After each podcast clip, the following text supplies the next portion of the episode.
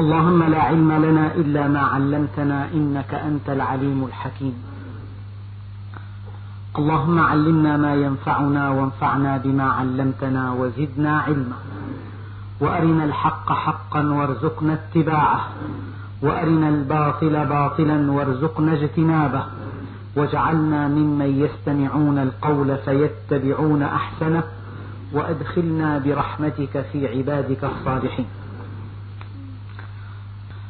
أيها الإخوة المؤمنون وصلنا في سورة هود إلى قوله تعالى أعوذ بالله من الشيطان الرجيم بسم الله الرحمن الرحيم ولقد أرسلنا نوحا إلى قومه.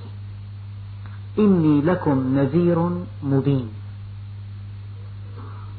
الإرسال أولا دليل رحمة الله سبحانه وتعالى. معلم يدرس طلابه. فإذا وجد في أحدهم تقصيرا هل يدعه إلى الامتحان كي يرسب؟ لا بد من أن ينصحه. لا بد من أن يضيق عليه.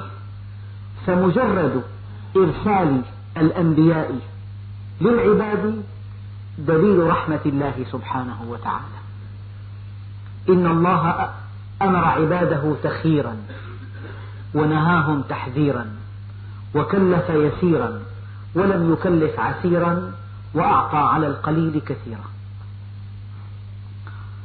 أما كلمة أرسلنا بضمير الجمع معنى ذلك أن أفعال الله سبحانه وتعالى تدخل فيها كل أسمائه. فأي فعل لله عز وجل فيه رحمة وفيه لطف وفيه عدل وفيه آه، غنى وفيه تقدير وفيه علم وفيه خبرة.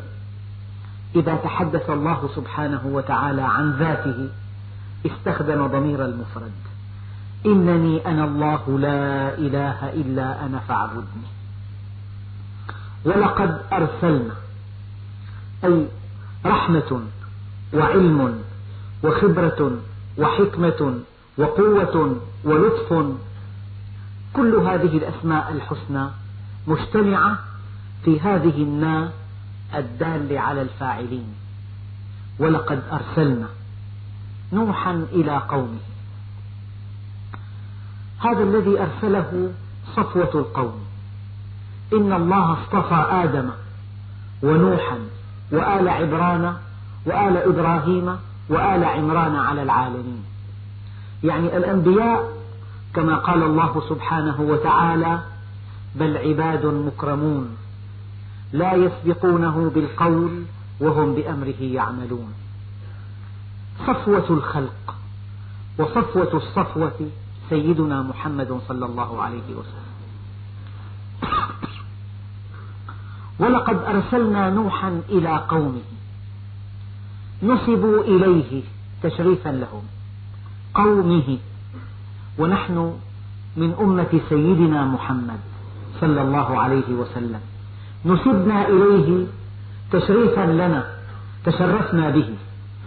فإن نسبنا إليه ينبغي أن نكون عند أمره ونهيه. ولقد أرسلنا نوحا إلى قومه إني لكم نذير مبين. ما معنى ما معنى الإنذار؟ هو بيان الأخطار وبيان طرق الوقاية منها. هذا هو الإنذار. الإنذار لا يكون بعد فوات الأوان. لا بد من أن يأتي في الوقت المناسب. فالإنذار بيان الأخطار. لكن هذا الإنذار مبين. يعني أحيانا الطبيب بينهاك عن الملح ويسكت. أنت لا تعرف لما ينهاك. لو كان طبيبا حكيما لبين لك مضار الملح. الملح الزائد يحبس في الجسد سوائل زائدة. والسوائل الزائدة تجعل من الشرايين منتفخة. يرتفع الضغط يجهد القلب بالملح الزائد. إذا أنذرت المريض بمغبة تناوله الملح وبينت له كيف أن الملح يرفع الضغط ويجهد القلب؟ فهذا إنذار مع تبيين. الإنذار وحده لا يكفي. ربنا عز وجل حينما ينذرنا يبين لنا أخطار ما مغبة الذي ينذرنا به. ولقد أرسلنا الإرسال رحمة والنا دليل أن أسماء الله الحسنى كلها داخلة في هذا الإرسال. نوحا صفوة القوم. إلى قومه إني لكم نذير مبين. يعني الله سبحانه وتعالى في كماله مطلق. لذلك الكامل لا يقرب إليه إلا الكامل. أما بنو البشر لأسباب خاصة لأسباب تتعلق بمصالحهم يقربون إليهم من هم؟ ليسوا في مستوى هذا التقريب. البشر. لكن الله سبحانه وتعالى لا يقرب إليه إلا من كان كاملا رحيما. لذلك النبي عليه الصلاة والسلام كان أرأف أرحم الخلق بالخلق. استخلف أبا بكر. فقال أرأف أمتي بأمتي. أبو بكر استخلف عمر قال أرحم أمتي بأمتي. هؤلاء الكمل لا يقربون إليهم إلا من, كان من كانوا على شاكلتهم. لذلك طرق القرب من الله عز وجل أسبابها الكمال. أما الإنسان قد يقرب له من كان ناقصا من كان شريرا لمصلحة ما. لكن الله سبحانه وتعالى إذا اصطفى الأنبياء فهم صفوة البشر. لذلك دعي النبي عليه الصلاة والسلام إلى التمثيل بقتلى قريش لشدة ما عاندوه حينما كانوا أحياء لشدة ما أساءوا إليه. لشدة ما ضيقوا عليه لشدة ما ائتمروا على قتله لشدة ما أخرجوه من بلده. فقيل له مثل بهم. فقال عليه الصلاة والسلام لا أمثل بهم فيمثل الله بي ولو كنت نبيا. إذا جاءه جبريل وقد رده أهل الطائف فقال يا محمد أمرني ربي أن أكون طوع إرادتك. لو شئت لأطبقت عليهم الجبلين. قال اللهم اهد قومي فإنهم لا يعلمون. لا يا أخي عسى الله أن يخرج من أصلابهم من يوحد الله. هكذا الأنبياء وهكذا الصديقون وهكذا المؤمنون. ولن يكون المؤمن مؤمنا إلا إذا كان كاملا. قال عليه الصلاة والسلام من حدث الناس فلم يكذبهم ووعدهم فلم يخلفهم. و... و... نعم. من حدث الناس فلم يكذبهم ووعدهم فلم يخلفهم وعاملهم فلم يظلمهم فهو ممن كملت مروءته وظهرت عدالته ووجبت أخوته وحرمت غيبته. صار مقياس مقياس الرفعة في سلم الإيمان الخلق الحسن. ما من شيء أثقل في الميزان من الخلق الحسن. ولم يوصف, ولم يوصف النبي عليه الصلاة والسلام إلا بصفة واحدة وهي الخلق الحسن وإنك لعلى خلق عظيم. وما جاء الأنبياء إلا ليرقوا بأتباعهم إلى المستوى الرفيع. إنما بعثت معلما. إنما بعثت لأتمم مكارم الأخلاق. فالخلق الحسن والسمو النفسي هذا هو الهدف الأكبر من الدين. تسمو نفوسنا فنصبح أهلا أن نكون في مقعد صدق عند مليك مقتدر. تسمو نفوسنا كي نكون أهلا لجنة عرضها السماوات والأرض. ولقد أرسلنا نوحا إلى قومه إني لكم نذير مبين. الإنذار تبيان الأخطار وتبيان طرق الوقاية منها وتبيان كيف تؤذي. ألا تعبدوا إلا الله. إني أخاف عليكم عذاب يوم أليم. لم يقل الله عز وجل أن اعبدوا الله. في آيات أن اعبدوا الله. أما الآية هنا ألا تعبدوا إلا الله. هذا النمط الازدواجي. قد يعبد الإنسان ربه ويعبد مع ربه جهة أخرى. هذا هو الشرك. أما النهي هنا ألا تعبدوا إلا الله. يجب أن تعبد الله ولا أحد مع الله. والعبادة الطاعة التي يسبقها معرفة بالله عز وجل وتعقبها سعادة بسبب القرب منه.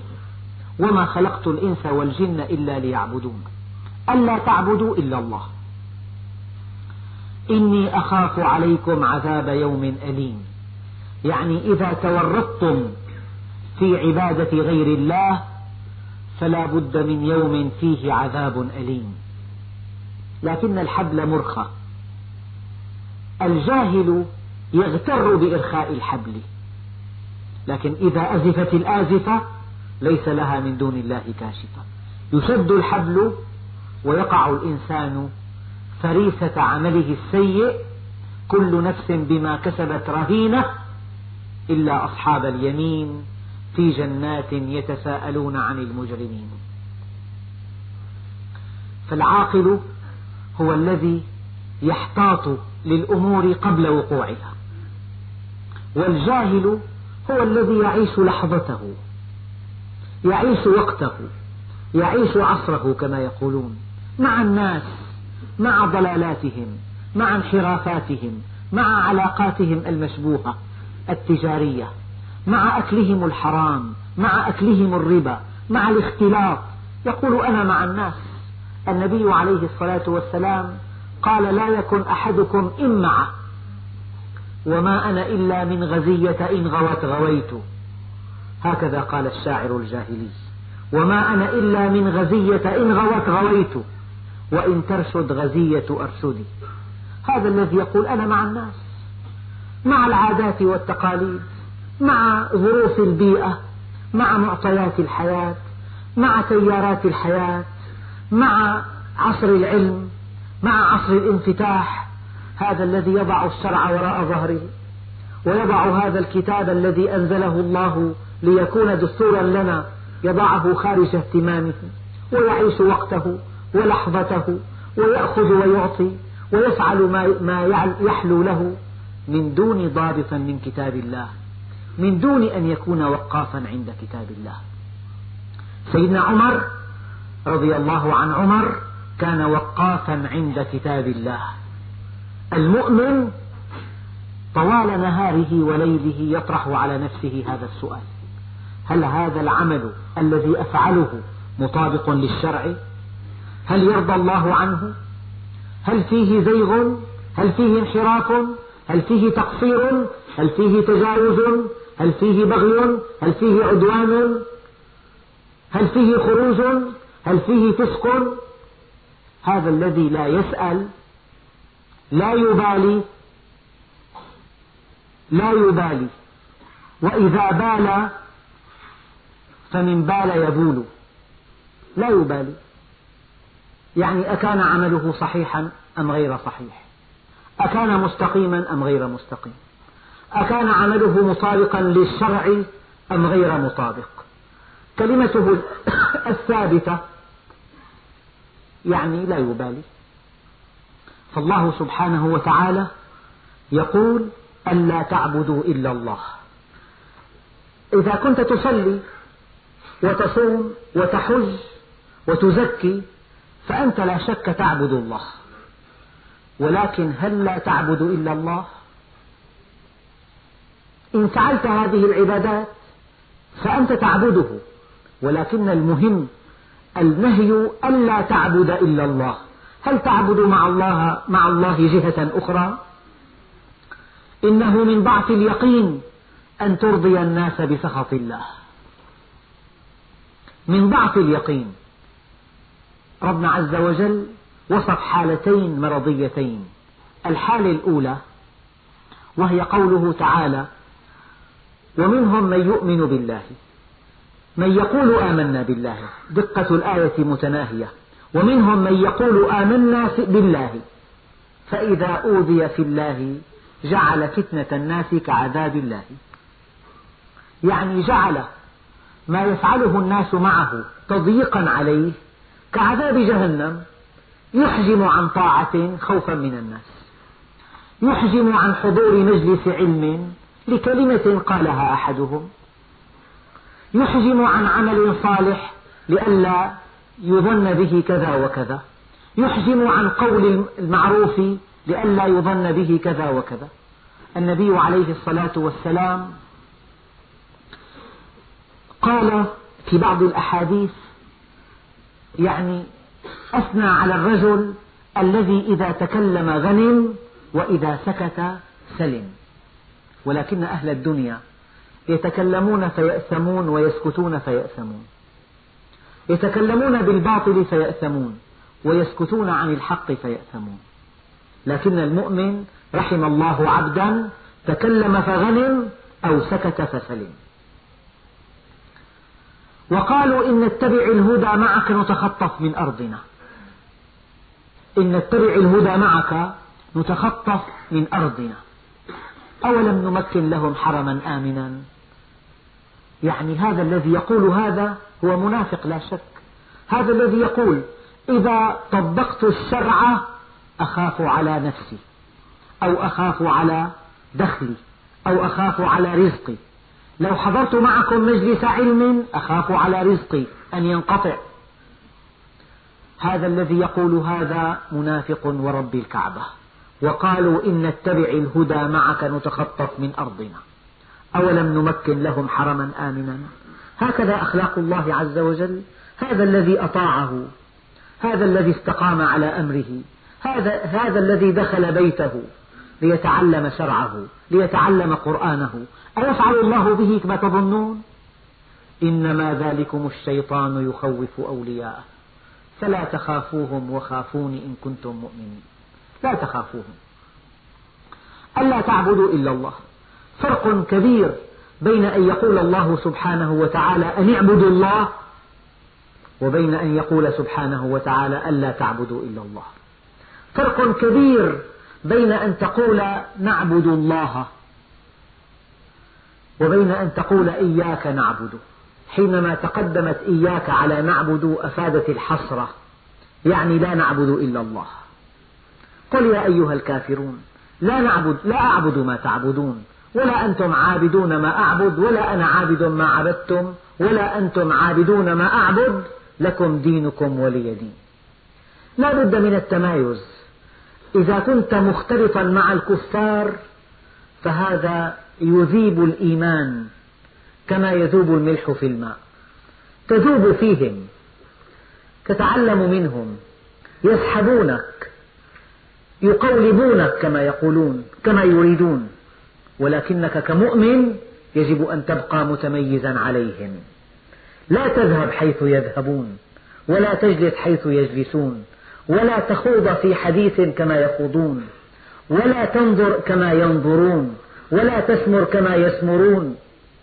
هذا معنى قوله تعالى لا أعبد ما تعبدون. إن تميزت عليهم حفظك الله عز وجل. فأوا إلى الكهف ينشر لكم ربكم من رحمته. ويهيئ لكم من أمركم مرفقا. ألا تعبدوا إلا الله إني أخاف عليكم عذاب يوم أليم. يعني إذا تورطتم وعبدتم غير الله إني أخاف عليكم عذاب يوم أليم. فقال الملأ الملأ هم علية القوم الذين يملؤون السمع والبصر وإذا رأيتهم تعجبك أجسامهم. وإن يقولوا تسمع لقولهم. ثيابهم فاخرة. بيوتهم واسعة. مركباتهم فارهة. حياتهم ناعمة. هؤلاء علية القوم. الأغنياء منهم. فقال الملأ الذين كفروا من قومه ما نراك إلا بشرا مثلنا. يعني أنت واحد منا. تأكل كما نأكل. وتشرب كما نشرب وتمشي في الأسواق وتأكل الطعام. ومن قال إن الأنبياء لا يأكلون الطعام ولا يمشون في الأسواق. يعني هم مفتقرون إلى الطعام ومن أجل تأمين الطعام هم مفتقرون إلى العمل. هذا الإنسان يأكل الطعام ويمشي في الأسواق. بشريتهم حجبتهم عن حقيقتهم. يعني إذا التقيت بأكبر جراح قلب في العالم ماذا سوف تريك عيناه به؟ أترى له رأسين يعني رأس واحد أربع أيدي يدين مثل. فإذا قلت هذا مثل أي إنسان آخر ما أجهل القائل. هذا أكبر جراح قلب في العالم. هذا أجرى مئة ألف عملية قلب مفتوح ونجحت كلها. هذا الذي امتلأ علما وخبرة في القلب. تقول أله عينان كعيني فلان له أذنان كأذني فلان له رأس كرأس فلان له قامة منتصبة. لكن ماذا تريده أن يكون؟ هؤلاء الكبراء هؤلاء علية القوم هؤلاء الذين يملؤون عين أهل الدنيا هؤلاء الملأ فقال الملأ الذين كفروا من قومه ما نراك إلا بشرا مثلنا. أنت مثلنا. الله سبحانه وتعالى قال قل إنما أنا بشر مثلكم. بمعنى أن, أن في جوانحي عواطف وأحاسيس. اللهم إني بشر أغضب كما يغضب البشر وأرضى كما يرضى البشر. يجوع ويعطش ويشعر بالحر ويشعر بالقر.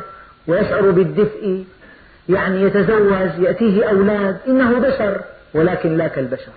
محمد بشر وليس كالبشر بل هو جوهرة والناس كالحجر.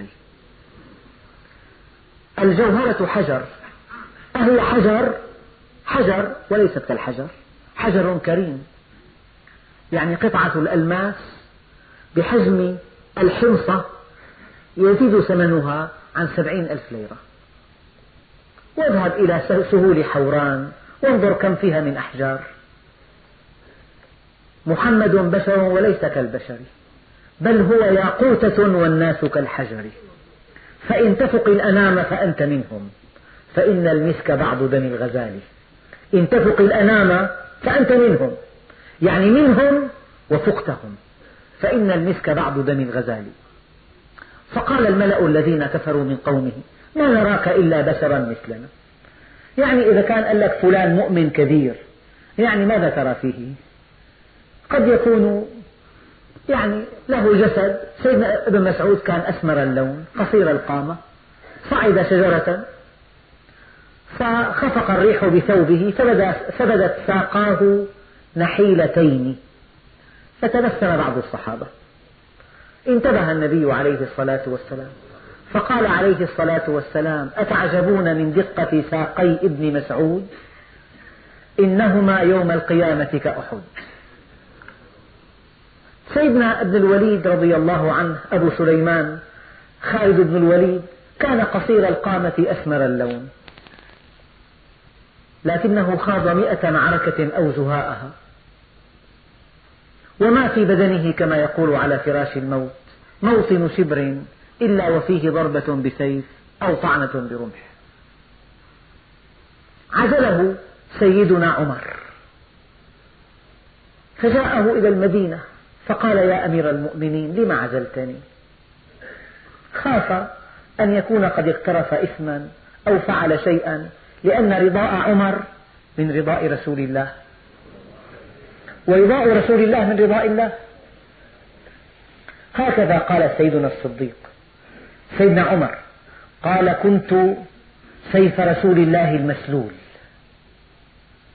وكنت جلوازه وخادمه فكان يغمضني إذا شاء. أنا أرهن إشارته. كنت خادمه وجلوازه وسيفه المسلول فكان يغمضني إذا شاء.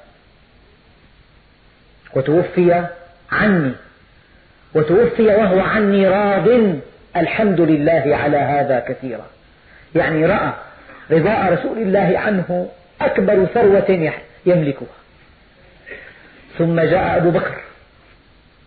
فكنت خادمه وجلواذه وسيفه المسلول. فكان يغمدني إذا شاء وتوفي وهو عني راض. الحمد لله. صعد المنبر ليخطب بعد بعد أبي بكر. انتبه الناس أنه هبط درجة. ثم قال ما كان الله ليراني أن أرى نفسي في مقام أبي بكر. هذا مقام خاص له. بعد وفاته كان يقف على درجة أدنى من آخر درجة لأن هذه الدرجة الأخيرة هي مقام سيدنا أبي بكر. لازم الناس اليوم يحفروا خندق لتحت. شيء ألف درجة لتحت يعدوا ما كان الله ليراني أن أرى نفسي في مقام أبي بكر. علماء حكماء كادوا من فقههم أن يكونوا أنبياء. ما نراك إلا بشرا مثلنا. وما نراك اتبعك إلا الذين هم أراذلنا يعني معنى أراذلنا هذه كلمة لها معنى لغوي. تعني ضعفاءنا وفقراءنا. يعني هذه كلمة فيها استعلاء. هؤلاء الذين اتبعوك من الطبقة الدنيا في المجتمع.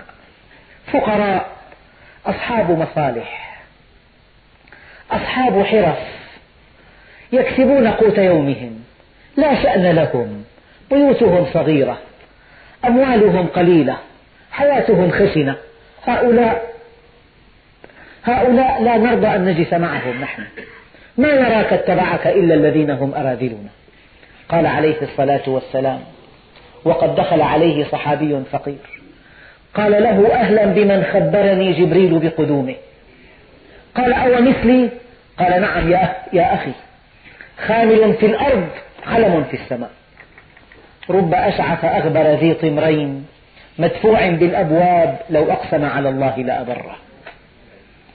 إذا وقعت الواقعة ليس لوقعتها كاذبة خافضة رافعة. أتحب أن تكون نبيا ملكا؟ قال له بل نبيا عبدا. أجوع يوما فأذكره وأشبع يوما فأشكره. دخل عليه رضي الله عنه عمر فرآه فقال يا عمر إنما هي نبوة وليست ملكا. أما ترضى أن تكون الدنيا لهم والآخرة لنا؟ أعددت لعبادي الصالحين ما لا عين رأت ولا أذن سمعت ولا خطر على قلب بشر. فلا تعلم نفس ما أخفي لها من قرة أعين جزاء بما كانوا يعملون. فليضحكوا قليلا وليبكوا كثيرا. والذين كفروا نمتعهم قليلا ثم نضطرهم إلى عذاب النار وبئس المصير. لا يغرنك تقلب الذين كفروا في البلاد متاع قليل ثم مأواهم جهنم وبئس المهاد. فقال الملأ الذين كفروا من قومه ما نراك إلا بشرا مثلنا وما نراك اتبعك إلا الذين هم أراذلنا. هؤلاء ضعاف فقراء لهم حرف قميئة لا نرضاها لا نجلس معهم ليسوا في مستوانا. دخل عليه رجل فأصابته رعدة. فقال عليه الصلاة والسلام هون عليك. إنما أنا ابن امرأة من قريش كانت تأكل القديد بمكة. دخل رجل على مسجد رسول الله. في الليل فداس على يد عمر رضي الله عنه. أو بالعكس سيدنا عمر دخل المسجد فداس على يد أحد المصلين. يبدو أنه تألم فقال أعمى أنت؟ قال لا. فقيل من معه؟ أيخاطبك هكذا؟ قال سألني فأجبته. سألني فأجبته. النبي عليه الصلاة والسلام كان متواضعا. كان يجلس جلسة العبد كان يخصف نعله ويرفو ثوبه ويحلب شاته وكان في مهنة أهله وكان يصغي الإناء للهرة. وربما أخذت, أخذت بيده الجارية الصغيرة الطفلة فقادته في أطراف البيت. هكذا الأنبياء كانوا. أما الذين يستعلون في الأرض تلك الدار الآخرة نجعلها للذين لا يريدون علوا في الأرض ولا فسادا. سيدنا بلال عبد حبشي كان عبدا مملوكا عند صفوان بن أمية وكان يعذبه لأنه آمن ويقول أحد أحد. أراد, أراد الصديق رضي الله عنه أن يشتريه ويعتقه. فذهب إلى, إلى سيده ونقذه الثمن. وأراد أن يعلن عن أخوته فوضع يده الكريمة تحت إبط بلال. وأن تضع يدك تحت إبط أخيك هذه رمز المودة والأخوة والتساوي. فاغتاظ صفوان وقال والله لو دفعت به درهما واحدا لبعتكه. أراد, أراد الصديق أن يرفع من شأن بلال. قال والله لو طلبت ثمنا له مئة ألف لأعطيتكها. هذا أخي حقا. هذا الإسلام. طبقة واحدة.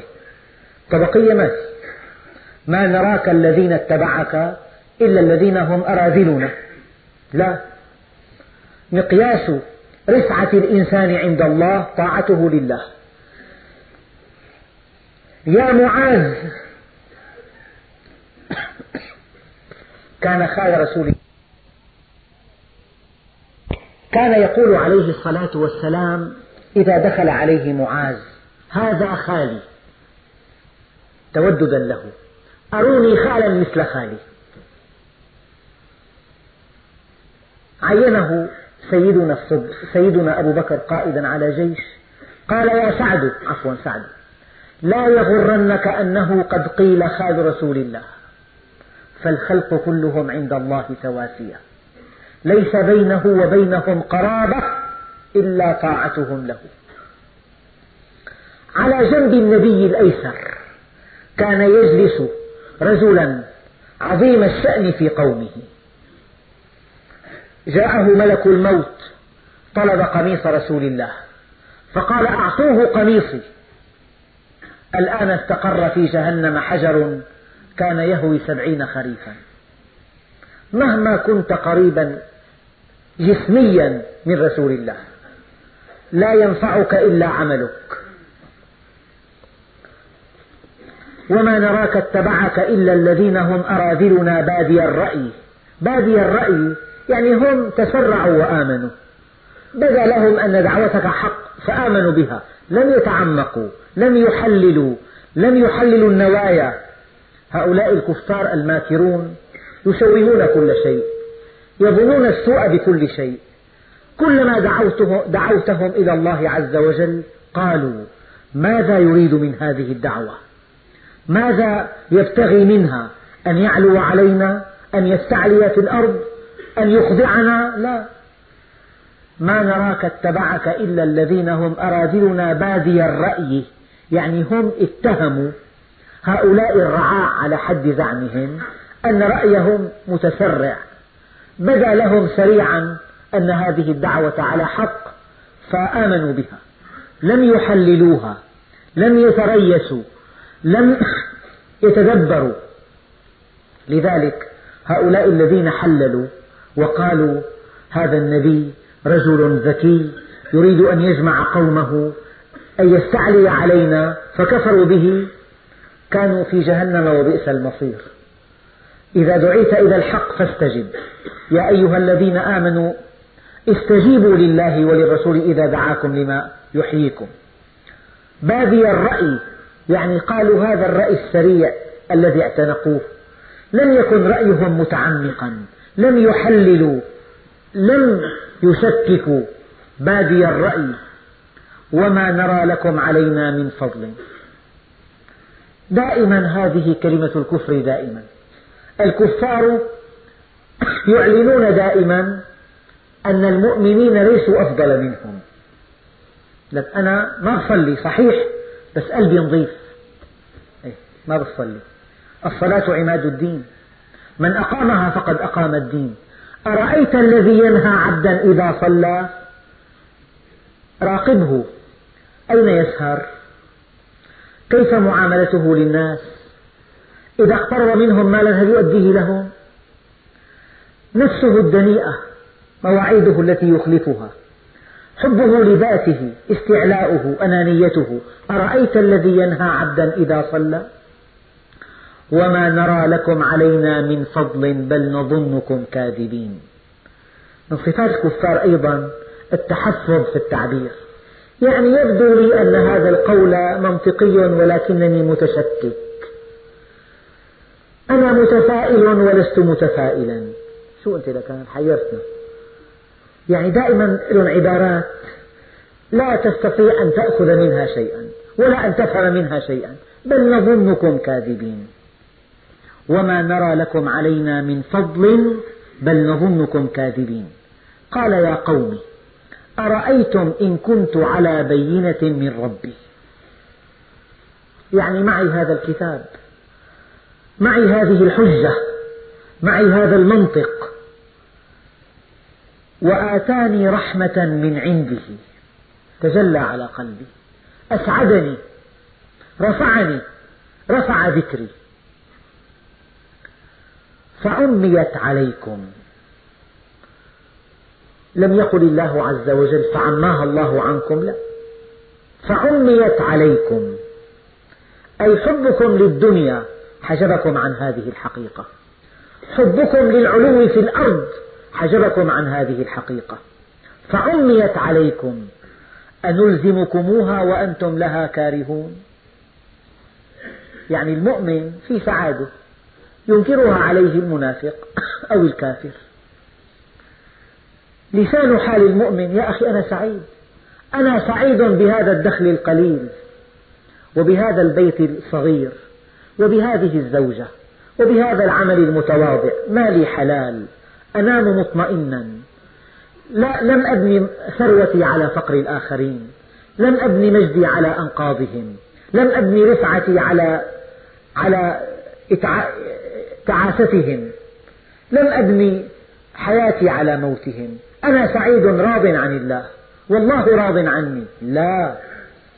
أفرأ قال يا قوم أرأيتم إن كنت على بينة من ربي وآتاني رحمة من عنده فعميت عليكم أنلزمكموها وأنتم لها كارهون؟ أذن محمد. يعني هذا الزعم الذي يزعمه الكفار بأنهم في مستوى أرفع من عامة الناس. هذا زعم باطل. كلكم لآدم وآدم من تراب. الناس رجلان.